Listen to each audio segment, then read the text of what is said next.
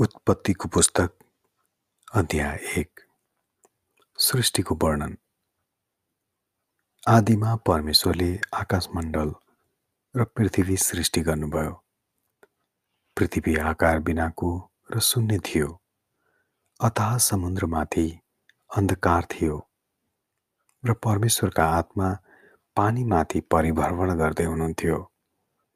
अनि परमेश्वरले भन्नुभयो उज्यालो होस्। तब उज्यालो भयो र परमेश्वरले उज्यालोलाई हेर्नुभयो। त्यो असल थियो। उहाँले उज्यालो र अँध्यारोलाई अलग अलग गर्नुभयो। परमेश्वरले उज्यालोलाई दिन र अँध्यारोलाई रात भन्नुभयो। साँझ पर्यो र बिहान भयो पहिलो दिन। अनि परमेश्वरले भन्नुभयो पानीका बिचमा एक क्षेत्र होस् र त्यसले पानीलाई दुई भाग गरोस्। परमेश्वरले सो बनाएर क्षेत्रमुनिको र माथिको पानीलाई अलग अलग गर्नुभयो। तब त्यस्तै भइहाल्यो। परमेश्वरले यस अन्तरिक्षलाई आकाश भन्नुभयो। साँझ पर्यो र बिहान भयो दोस्रो दिन। अनि परमेश्वरले भन्नुभयो आकाशमुनि पानीको एक ठाउँमा जम्मा होस्। र ओबानो भूमि देखा परोस् तब त्यस्तै भइहाल्यो। परमेश्वरले ओबानो भूमिलाई पृथ्वी भन्नुभयो र जम्मा भएको पानीलाई समुद्र भन्नुभयो अनि परमेश्वरले हेर्नुभयो। त्यो असल थियो अनि परमेश्वरले भन्नुभयो भूमिले वनस्पति बिउ हुने बोट बिरुवाहरू र आआफ्नो किसिमको बिउ हुने फल फल्ने वृक्षहरू पृथ्वीमा उमारोस् तब त्यस्तै भइहाल्यो। भूमिले वनस्पति बिउ हुने बोटहरू र आआफ्नो किसिमको बिउ हुने फल फल्ने वृक्षहरू उमार्यो अनि परमेश्वरले हेर्नुभयो। त्यो असल थियो। साँझ पर्यो र बिहान भयो तेस्रो दिन। अनि परमेश्वरले भन्नुभयो अन्तरिक्षमा दिन र रात छुट्याउनलाई ज्योतिहरू हुन्।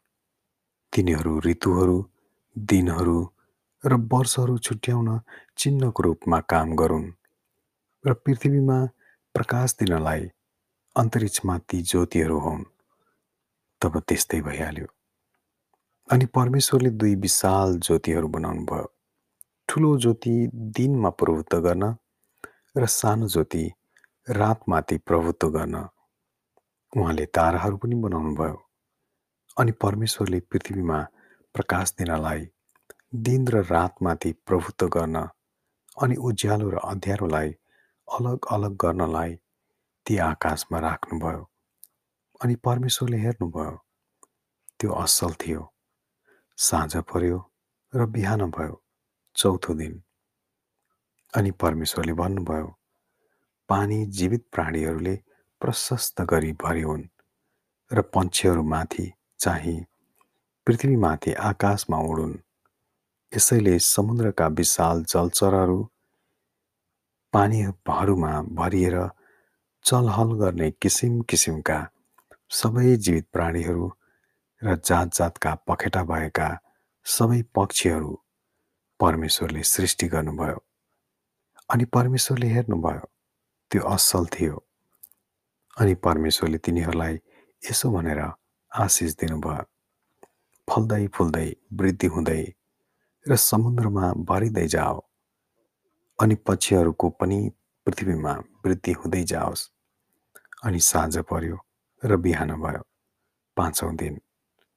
अनि परमेश्वरले भन्नुभयो पृथ्वीले जात जातका जीवित प्राणीहरू अर्थात् जात जातका पाल्तु पशुहरू घस्रने जन्तुहरू र जात जातका वन पशुहरू उत्पन्न गरोस्। तब त्यस्तै भइहाल्यो। परमेश्वरले पृथ्वीका जात जातका वन पशुहरू जात जातका पद पाल्तु पशुहरू र जमिनमा घस्रने जात जातका जन्तुहरू बनाउनु भयो अनि परमेश्वरले हेर्नुभयो त्यो असल थियो अनि परमेश्वरले भन्नुभयो मानिसलाई आफ्नै स्वरूपमा हाम्रै प्रतिरूपमा बनाऊ तिनीहरूले समुद्रका माछाहरू पृथ्वीका पन्छीहरू पाल्तु पशुहरू र जमिनमा चलहल गर्ने सबै जन्तुहरूमाथि अधिकार गरून्। यसै कारण परमेश्वरले मानिसलाई आफ्नै स्वरूपमा सृष्टि गर्नुभयो। परमेश्वरकै प्रतिरूपमा उहाँले तिनलाई सृष्टि गर्नुभयो।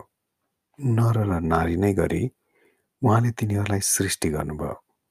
परमेश्वरले तिनीहरूलाई आशिष दिनुभयो।